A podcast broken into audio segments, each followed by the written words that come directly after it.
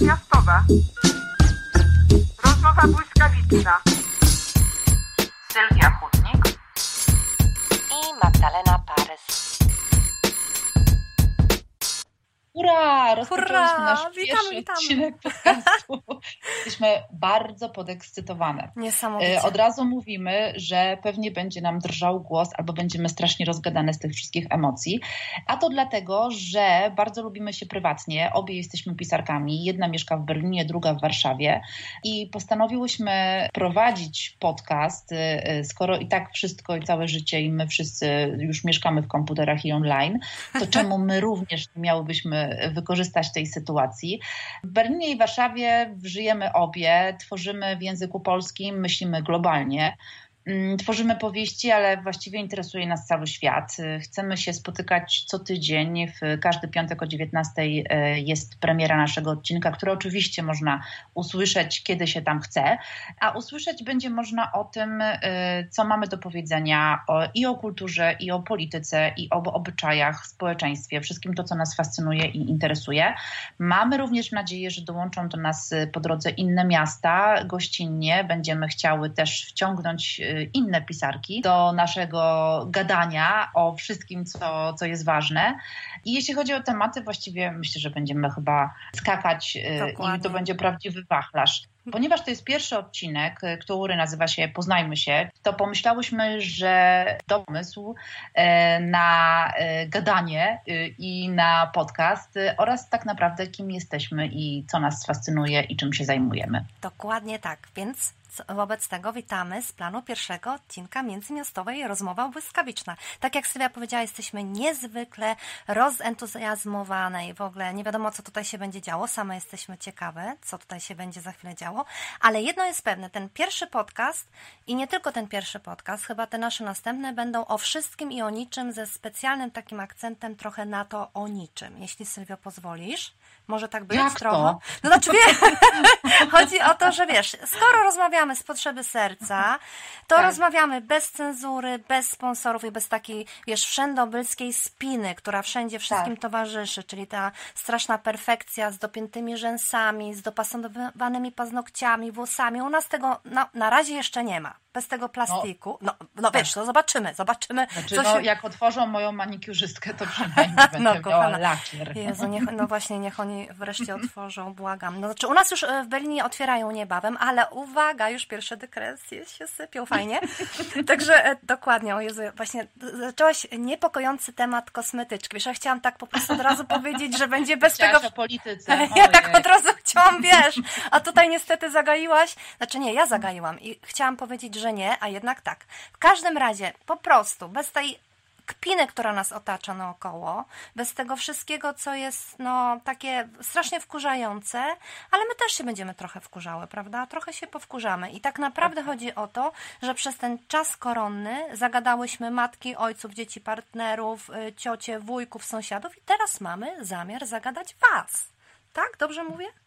No trochę tak. Tak, idealnie, oczywiście. Wy też się musicie z nami męczyć, bez przesady. No właśnie, to tak dobrze nie będzie. No i właśnie Sylwio, ty jesteś warszawianką, warszawianką z krwi i kości, czyli jesteś warszawianką, tak jak e, wiesz, są krakowianki, warszawianki, ja zawsze tego tak strasznie wszystkim Polkom, Polakom zazdroszczę, że ktoś mógł się urodzić w Warszawie e, albo w Krakowie, no w Warszawie tak jakoś szczególnie, bo to teraz jesteśmy w Warszawie, ja jestem z tobą teraz w Warszawie i że mieszka w mieście, które jest takie na wskroś polskie, rozumiesz? Przed wojną było polskie, Mm. po wojnie było polskie, nawet jak były zabory, to też jakoś było polskie. E, Mm. i, i- to jest taka moja, mm, no trochę zazdrość, taka trochę zazdrość, że te mury, o które się opieram, one zawsze były polskie. Oczywiście wchodzimy trochę na niebezpieczny temat, w co ja tu wlazłam, ale wlazłam w ten temat dlatego, że wiesz, urodziłam się w Gdańsku, potem mieszkałam w Szczecinie, później znowu już mieszkałam w Gdańsku, a potem w wieku 13 lat przeprowadziłam się do Berlina. W związku z tym ja całe swoje życie przeżyłam w miastach, które są po niemieckie albo na wskroś niemieckie. I dlatego ten wstrząs, kiedy wiesz, jestem w tej Warszawie czy w tym Krakowie i tam jest po prostu Polska, e, e, polskie mury. I kiedy mm, przyjechałam do tego Berlina w wieku 13 lat, to właściwie takiej wielkiej zmiany nie zauważyłam, bo te ulice trochę takie jak w Szczecinie, niektóre budynki takie jak w Gdańsku, właściwie później się okazało, że to są ci sami architekci, więc wiesz, zero zmian. Poza tym, że wiesz, Tak. inna ojczyzna, inny język, babci nie ma, taty nie ma, e, no i tak wiesz, wiesz, no wszystko inaczej, nie? Dwa systemy, podzielona Europa, wszędzie mur, nigdzie nie można e, wyjść, nigdzie nie można pójść. Najpierw mieszkałeś, czy mieszkałaś, ja mieszkałam e, no, w PRL-u, bo ja jestem starsza od Sylwii, więc ja troszeczkę więcej pamiętam. Tak, tak, tak, to muszę zaakcentować. Prawie dekadę.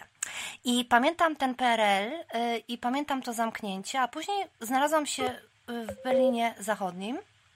I znowuż było zamknięcie, bo wszędzie był y, mur. Także to takie trochę właśnie, stąd ta zazdrość i ta wspaniała ekscytacja, że rozmawiam z kimś z Warszawy, z Polski. Moje doświadczenie e, bycia warszawianką przede wszystkim polega na tym, że kiedy jeździłam na kolonii, na samym początku oczywiście było tak, że każda osoba się przedstawiała, imię oraz skąd jest i po prostu się osób z Warszawy absolutnie nie poważało.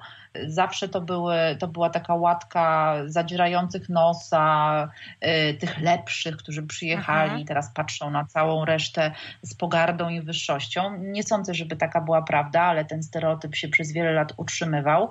Natomiast nie ukrywam, że ta warszawskość, jego tożsamość jest y, mi bardzo bliska. Oczywiście daleka za to jestem od ksenofobii, a w ogóle jest to grząski grunt dotyczący mhm. tożsamości tego, kto jest Polką, a kto jest tak, warszawianką. Tak taką no, podobno najpiękniejsze warszawianki to przyjezdne i tak naprawdę e, każda osoba niemal, która mieszka w e, tym mieście, tak naprawdę gdzieś tam, gdyby zaczęła e, sprawdzać dwa, trzy pokolenia wstecz, to by się okazało, że wcale nie, tak, że to tak. nie jest ta mhm. rdzenność, mhm. ale myślę, że w dużych miastach to jest, to jest ten urok, że każda osoba jest skądinąd, tak. ale o wiele więcej ciekawszych tropów jest herstorycznych, bo historią kobiet się zajmuje i interesuje mnie to, w jaki sposób w mieście działały, mm, pracowały, żyły kobiety, które miały wpływ na przestrzeń miejską, ale na też to, co się tu działo.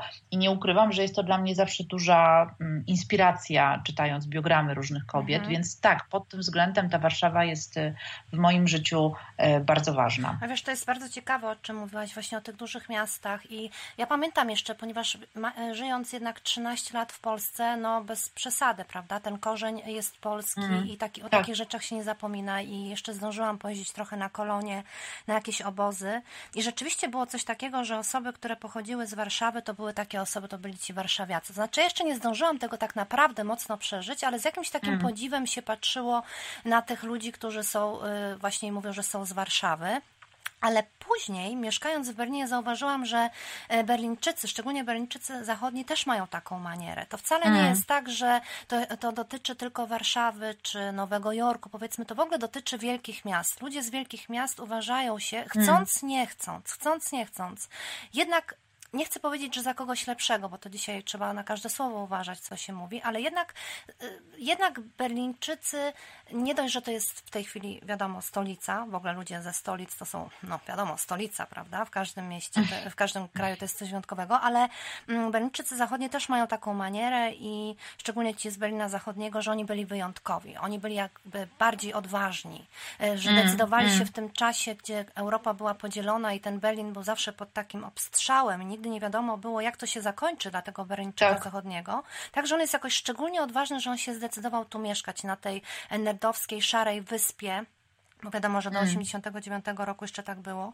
I że no właściwie jeśli gdzieś się rozpocznie ta wojna, ta wojna jeszcze z zeszłego wieku, nie mówimy o tych zagrożeniach, które są dzisiaj, ale tamtejsza, ówczesna, ta zimna wojna, jeśli ona naprawdę gdzieś wybuchnie, to na pewno jeśli gdzieś wybuchnie, to to będzie Berlin Zachodni. Bo wiadomo, mm. że to mhm. były cztery sektory, amerykański, francuski, prawda, Ros, e, Związek Radziecki, te sprawy.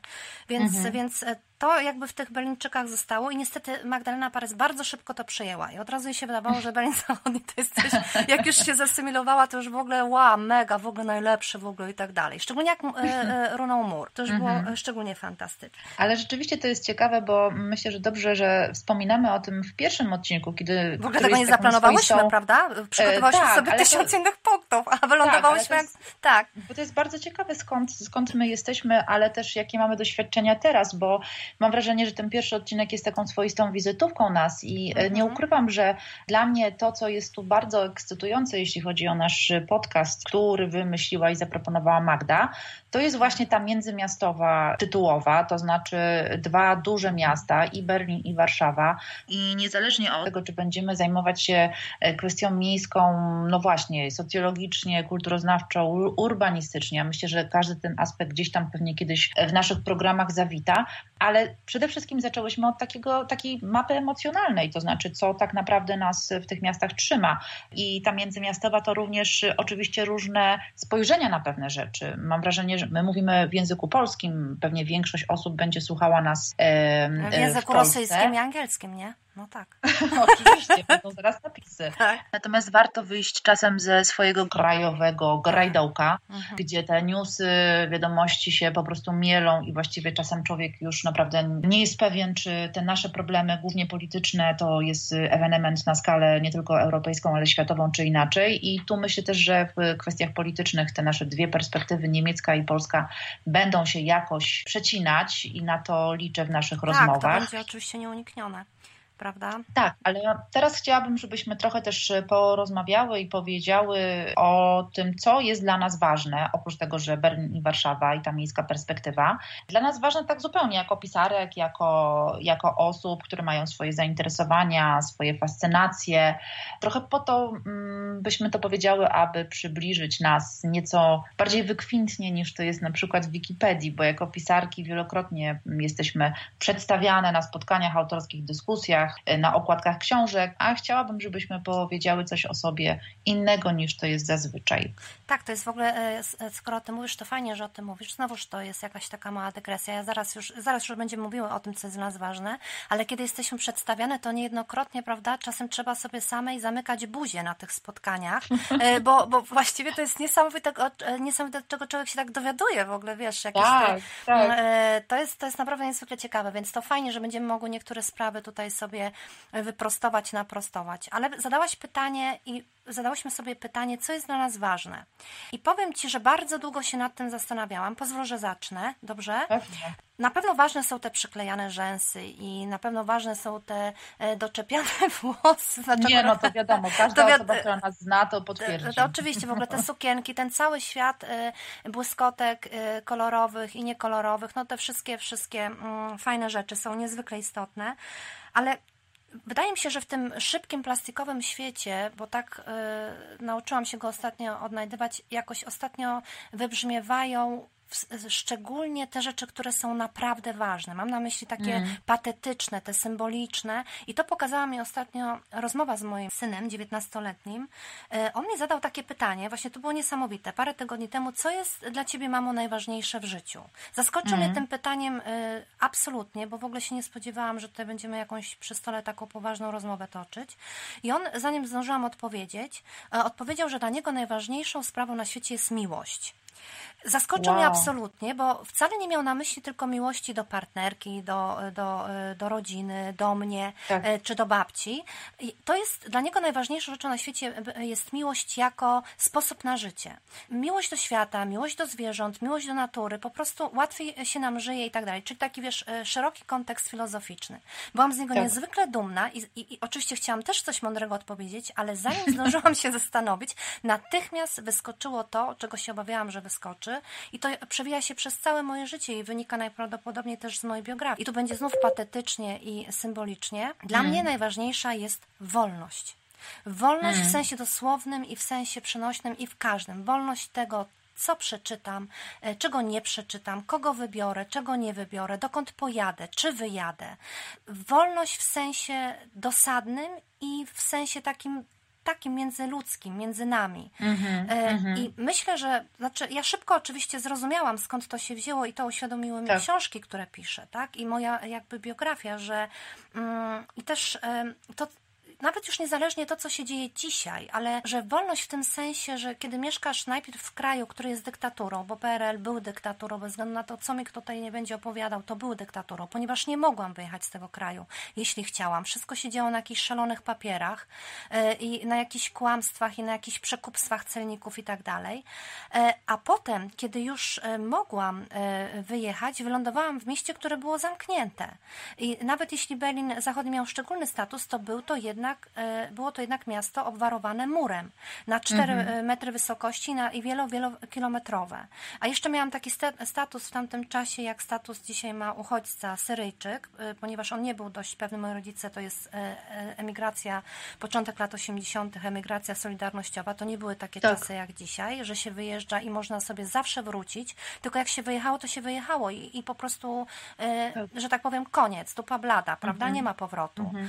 Myślę, że nawet jeśli ktoś się zapyta mnie za 10 lat, co jest dla mnie ważne, i za 20 lat, to zawsze ta odpowiedź będzie taka sama, wolność. Mhm. I 10 lat temu też była wolność.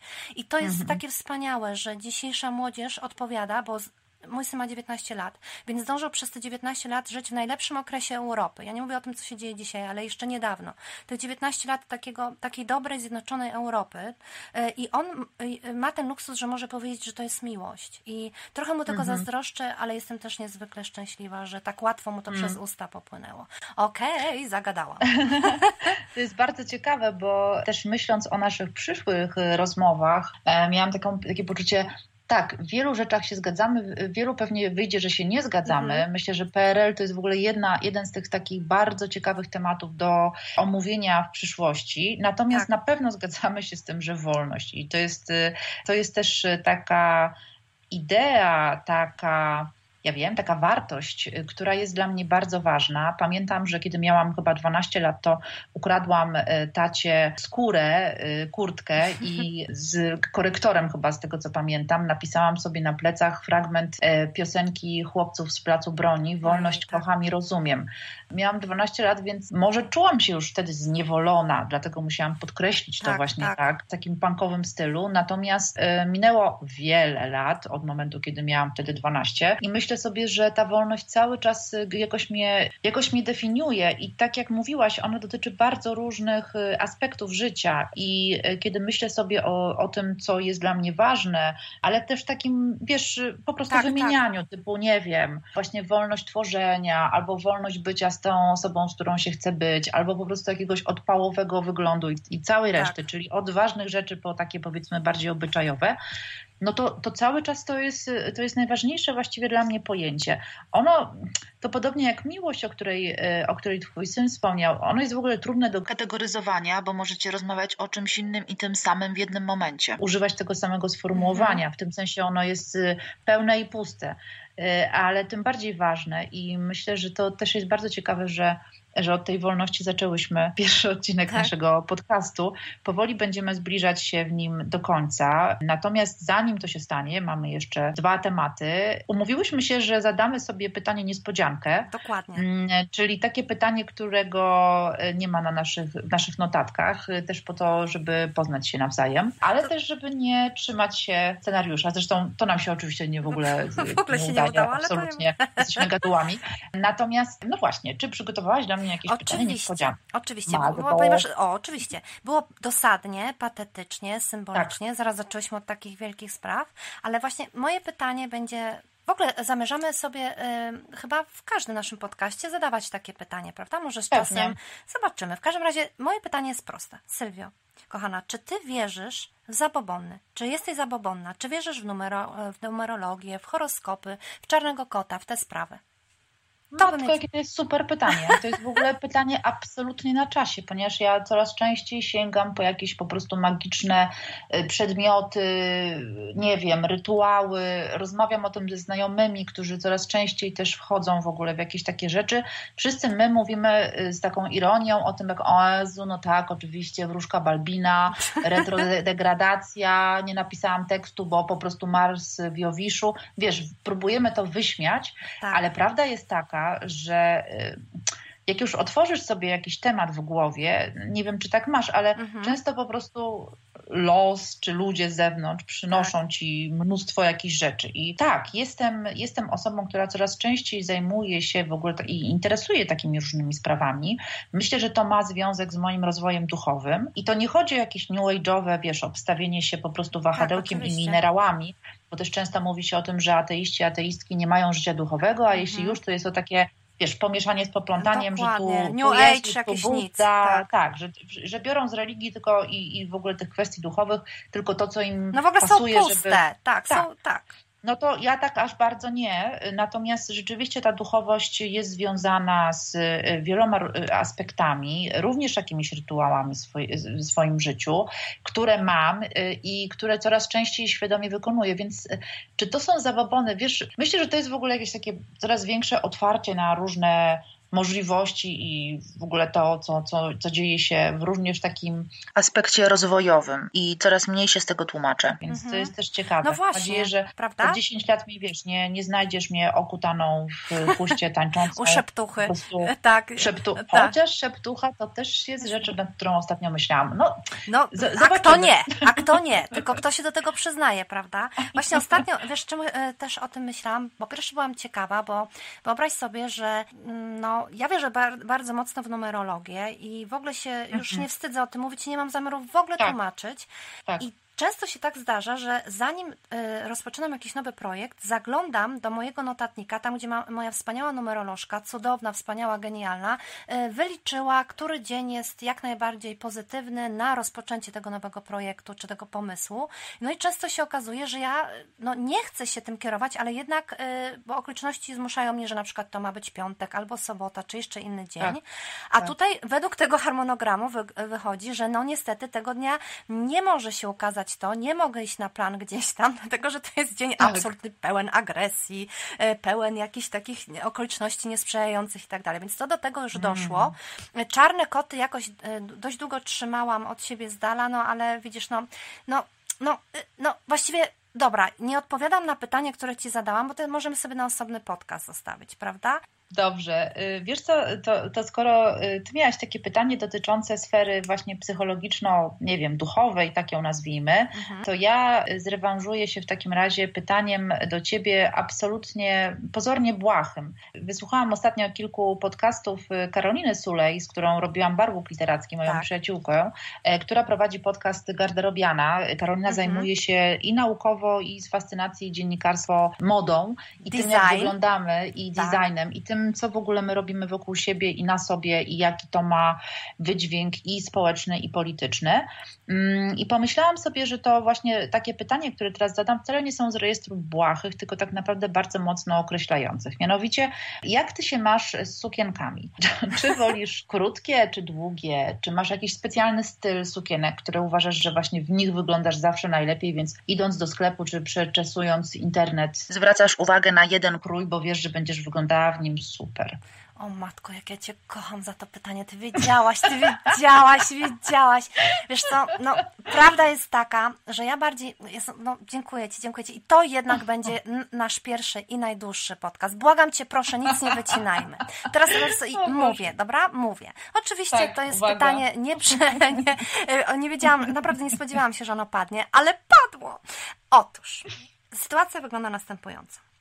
Ja kocham buty kocham torebki, kocham sukienki bardzo, aczkolwiek no jako 40 plus tak się jakoś stało, że zauważyłam jakby odejście trochę od sukienek. To znaczy ja nie jestem taką, wiesz, laleczką, która e, sobie, znaczy, która sobie idzie do sklepu i kupuje teraz e, sukieneczkę i jest taka grzeczna i tak dalej, bo ja w ogóle nie jestem grzeczna, więc nie będę się oszukiwała i wciskała w jakąś sukieneczkę, bo to w ogóle nikt mi tego nie kupi i ja sama sobie nie kupię mm. E, tego pomysłu na tą ładną sukieneczkę. Ale trafiają się czasem takie sukienki, trafiła mi się przed pandemią sukienka w Krakowie, że po prostu to był szok.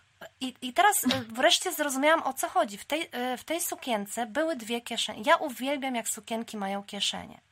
Nieładnie mm. jest trzymać e, e, e, oczywiście dłoni w kieszeniach i tak dalej, ale co zrobić? Co zrobić, kiedy po prostu nadaje y, tak jakby trochę takiego luzu w tym momencie, że już nie jesteś taka sztywna w tej sukience, w którą no zawsze pewnie. mama cię wciskała, prawda? Tylko możesz sobie tam władować te łapy i po prostu wiesz, nie? Jesteś luz, chociaż jesteś ładnie ubrana. E, no i sukienki są, to, to się troszeczkę u mnie zmieniło z czasem, przyznaję. To już jest inaczej niż kiedyś. Kiedyś, e, kiedyś lubiłam krótkie sukienki, a teraz no mhm. te sukienki są takie właśnie do kolana i to tak zawsze, ja jestem bardzo wyrafinowana w tym, zawsze wielką uwagę na to zwracam wracam i wiem doskonale, że jak tak usiądę, to wtedy ona się podciągnie do góry i będzie widać trochę za dużo tego uda, które jeszcze do końca podczas pandemii nie zostało wytrenowane. W związku z tym ta sukieneczka musi być trochę dłuższa, tak żeby się kończyło na kolanie, Aha. żeby pokazać to, co się matce naturze udało, a jej się udało akurat bez y, tego modelowania tych ud i nóg i wszystkiego, to są te, wiesz, pęciny, te sprawy, wiesz, nie? Że tam wszystko się zgadza. Więc to pokazujemy, a resztę zakrywamy. Więc to już ten, ale pandemia sprawiła, w ogóle nie wiem, czy ty zauważyłaś, że podczas pandemii w ogóle nie wypada nie trenować. Po prostu wszyscy, tak. to jest straszne, po prostu wszyscy mają wymodelowane sukien, te sukienki, o widzisz, no, Freud, dzień dobry, wszyscy mają wymodelowane uda, nogi, w ogóle, wiesz, ja, ja niestety też wpadłam w ten ryty, to jest straszne, też trenuję, aczkolwiek jakby z przekory trochę mniej, jak zauważyłam, że wszyscy są tacy, wiesz, wyszczupleni. Także sukienki mogą nas pięknie podratować. Dziękuję Ci za to pytanie, w ogóle proponuję, żebyśmy sobie osobny podcast zafundowało. Widzisz, to odnośnie tego plastikowego świata. E, tak. Tak, oczywiście. Bardzo proszę, zaproś, już... zaprośmy wtedy w ogóle Karolinę jeszcze, żebyśmy tak mogły nabawić. Tak, Jezu! absolutnie. Jezu! W ogóle e, wczoraj przyszła ja maszyna myślę, do szycia że... do nas, więc my tutaj szalejemy z moją córką. No dobrze, ale bardzo niebezpieczne to wydaje się, aż spociłam. Bardzo. Tak, bo to są emocje i wzruszenia. Ja myślę, że w czasie tego pierwszego odcinka my mamy tyle tematów. Poczekaj, już padło. PRL, wolność, tak. rytuały, sukienki. Y, Kradzież kurtek. Y, naprawdę tak. będzie to podcast o wielu tematach. Ale tak, myślę, że w ogóle jakby mieszanie ich to nie jest tylko kwestia tego, że teraz są czasy interdyscyplinarne i różnorodne i po prostu wreszcie odeszliśmy i odeszłyśmy od takiej struktury kultury wysokiej i niskiej, że pewne tematy trzeba poruszać, a pewne nie. Oczywiście nie chcemy być śniadaniówką, tak, tak. która jakby w ogóle nie, nie trzyma hierarchii. Ale, ale nie tak obiecujemy, tak naprawdę... nie obiecujemy, bo jesteśmy nie, po prostu, no nie obiecujemy. Nie obiecujemy no nie, bądź, bądźmy szczere, Sylwia, dzieje się już i tak nie najlepiej z nami tutaj, nie? W ogóle, wiesz, ja już odrzuciłam e, notes, w ogóle te sukienki całkowicie wyprowadziły mnie z równowagi. Myślę, że wszystko może być polityczne, ale też wszystko może być po prostu dla nas bardzo ciekawe, a my się zajmujemy wieloma rzeczami i między innymi teraz postanowiłyśmy zająć się podcastem. Chciałam się zapytać tylko o jedną rzecz. Powiedz mi, co zrobiłaś podczas pandemii, jak się dowiedziałaś, że to już jest naprawdę pandemia i że tutaj w ogóle nie ma żartów, żadnych śmiechów, tylko naprawdę się zarażamy i, i to może, i właściwie to jest tak naprawdę, no, niebezpieczeństwo, wiesz, które zagraża nam wszystkim, nie tylko starszym osobom, że, że to już zaczyna się bardzo niebezpieczna sprawa robić. Co zrobiłaś jako pierwszą rzecz? Powiedz mi. Jestem niezwykle ciekawa. Ja chyba jakoś podświadomie chciałam uciec od tego tematu, bo mm, pomyślałam sobie, że jesteśmy teraz wszyscy na takim etapie, że jesteśmy bardzo w środku tego. To nie, o to mhm. nie oznacza, że nie chcę o tym mówić, absolutnie, wręcz przeciwnie, ja cały czas o tym gadam i piszę.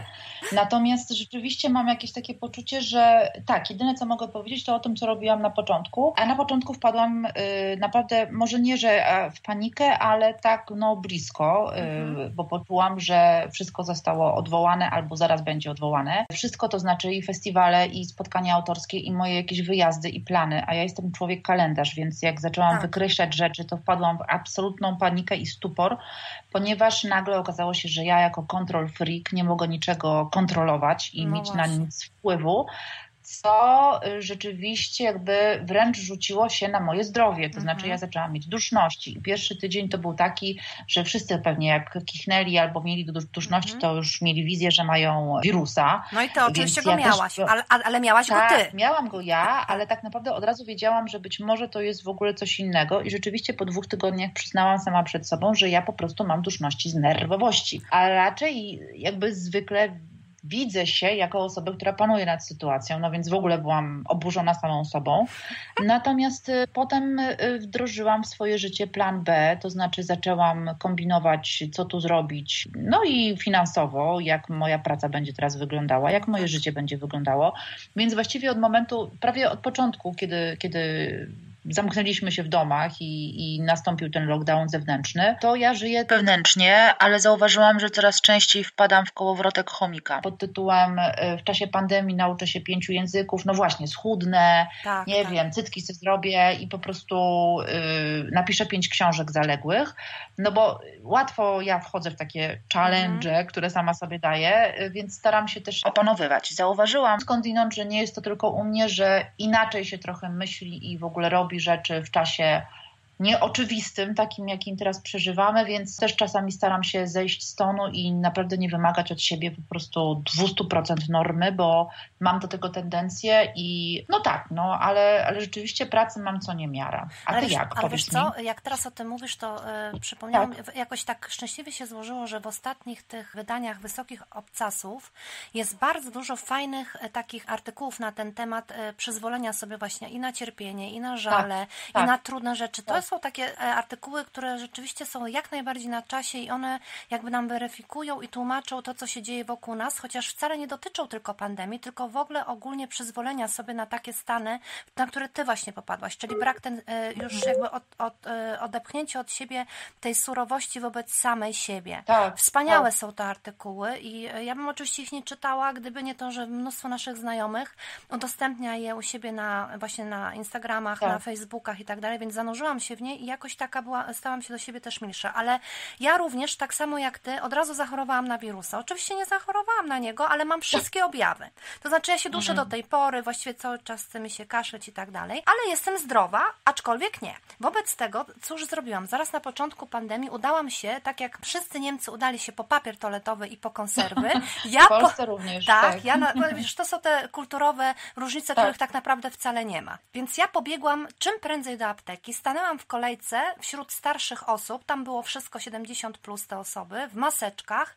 Ja również w maseczce stoję wśród tych osób, no niekoniecznie 70 plus ja, e, i tak. stoję w tej kolejce i kiedy doszłam już do pani sprzedającej, do aptekarki, byłam tak szczęśliwa, tak. ponieważ mogłam wykupić wszystkie witaminy C.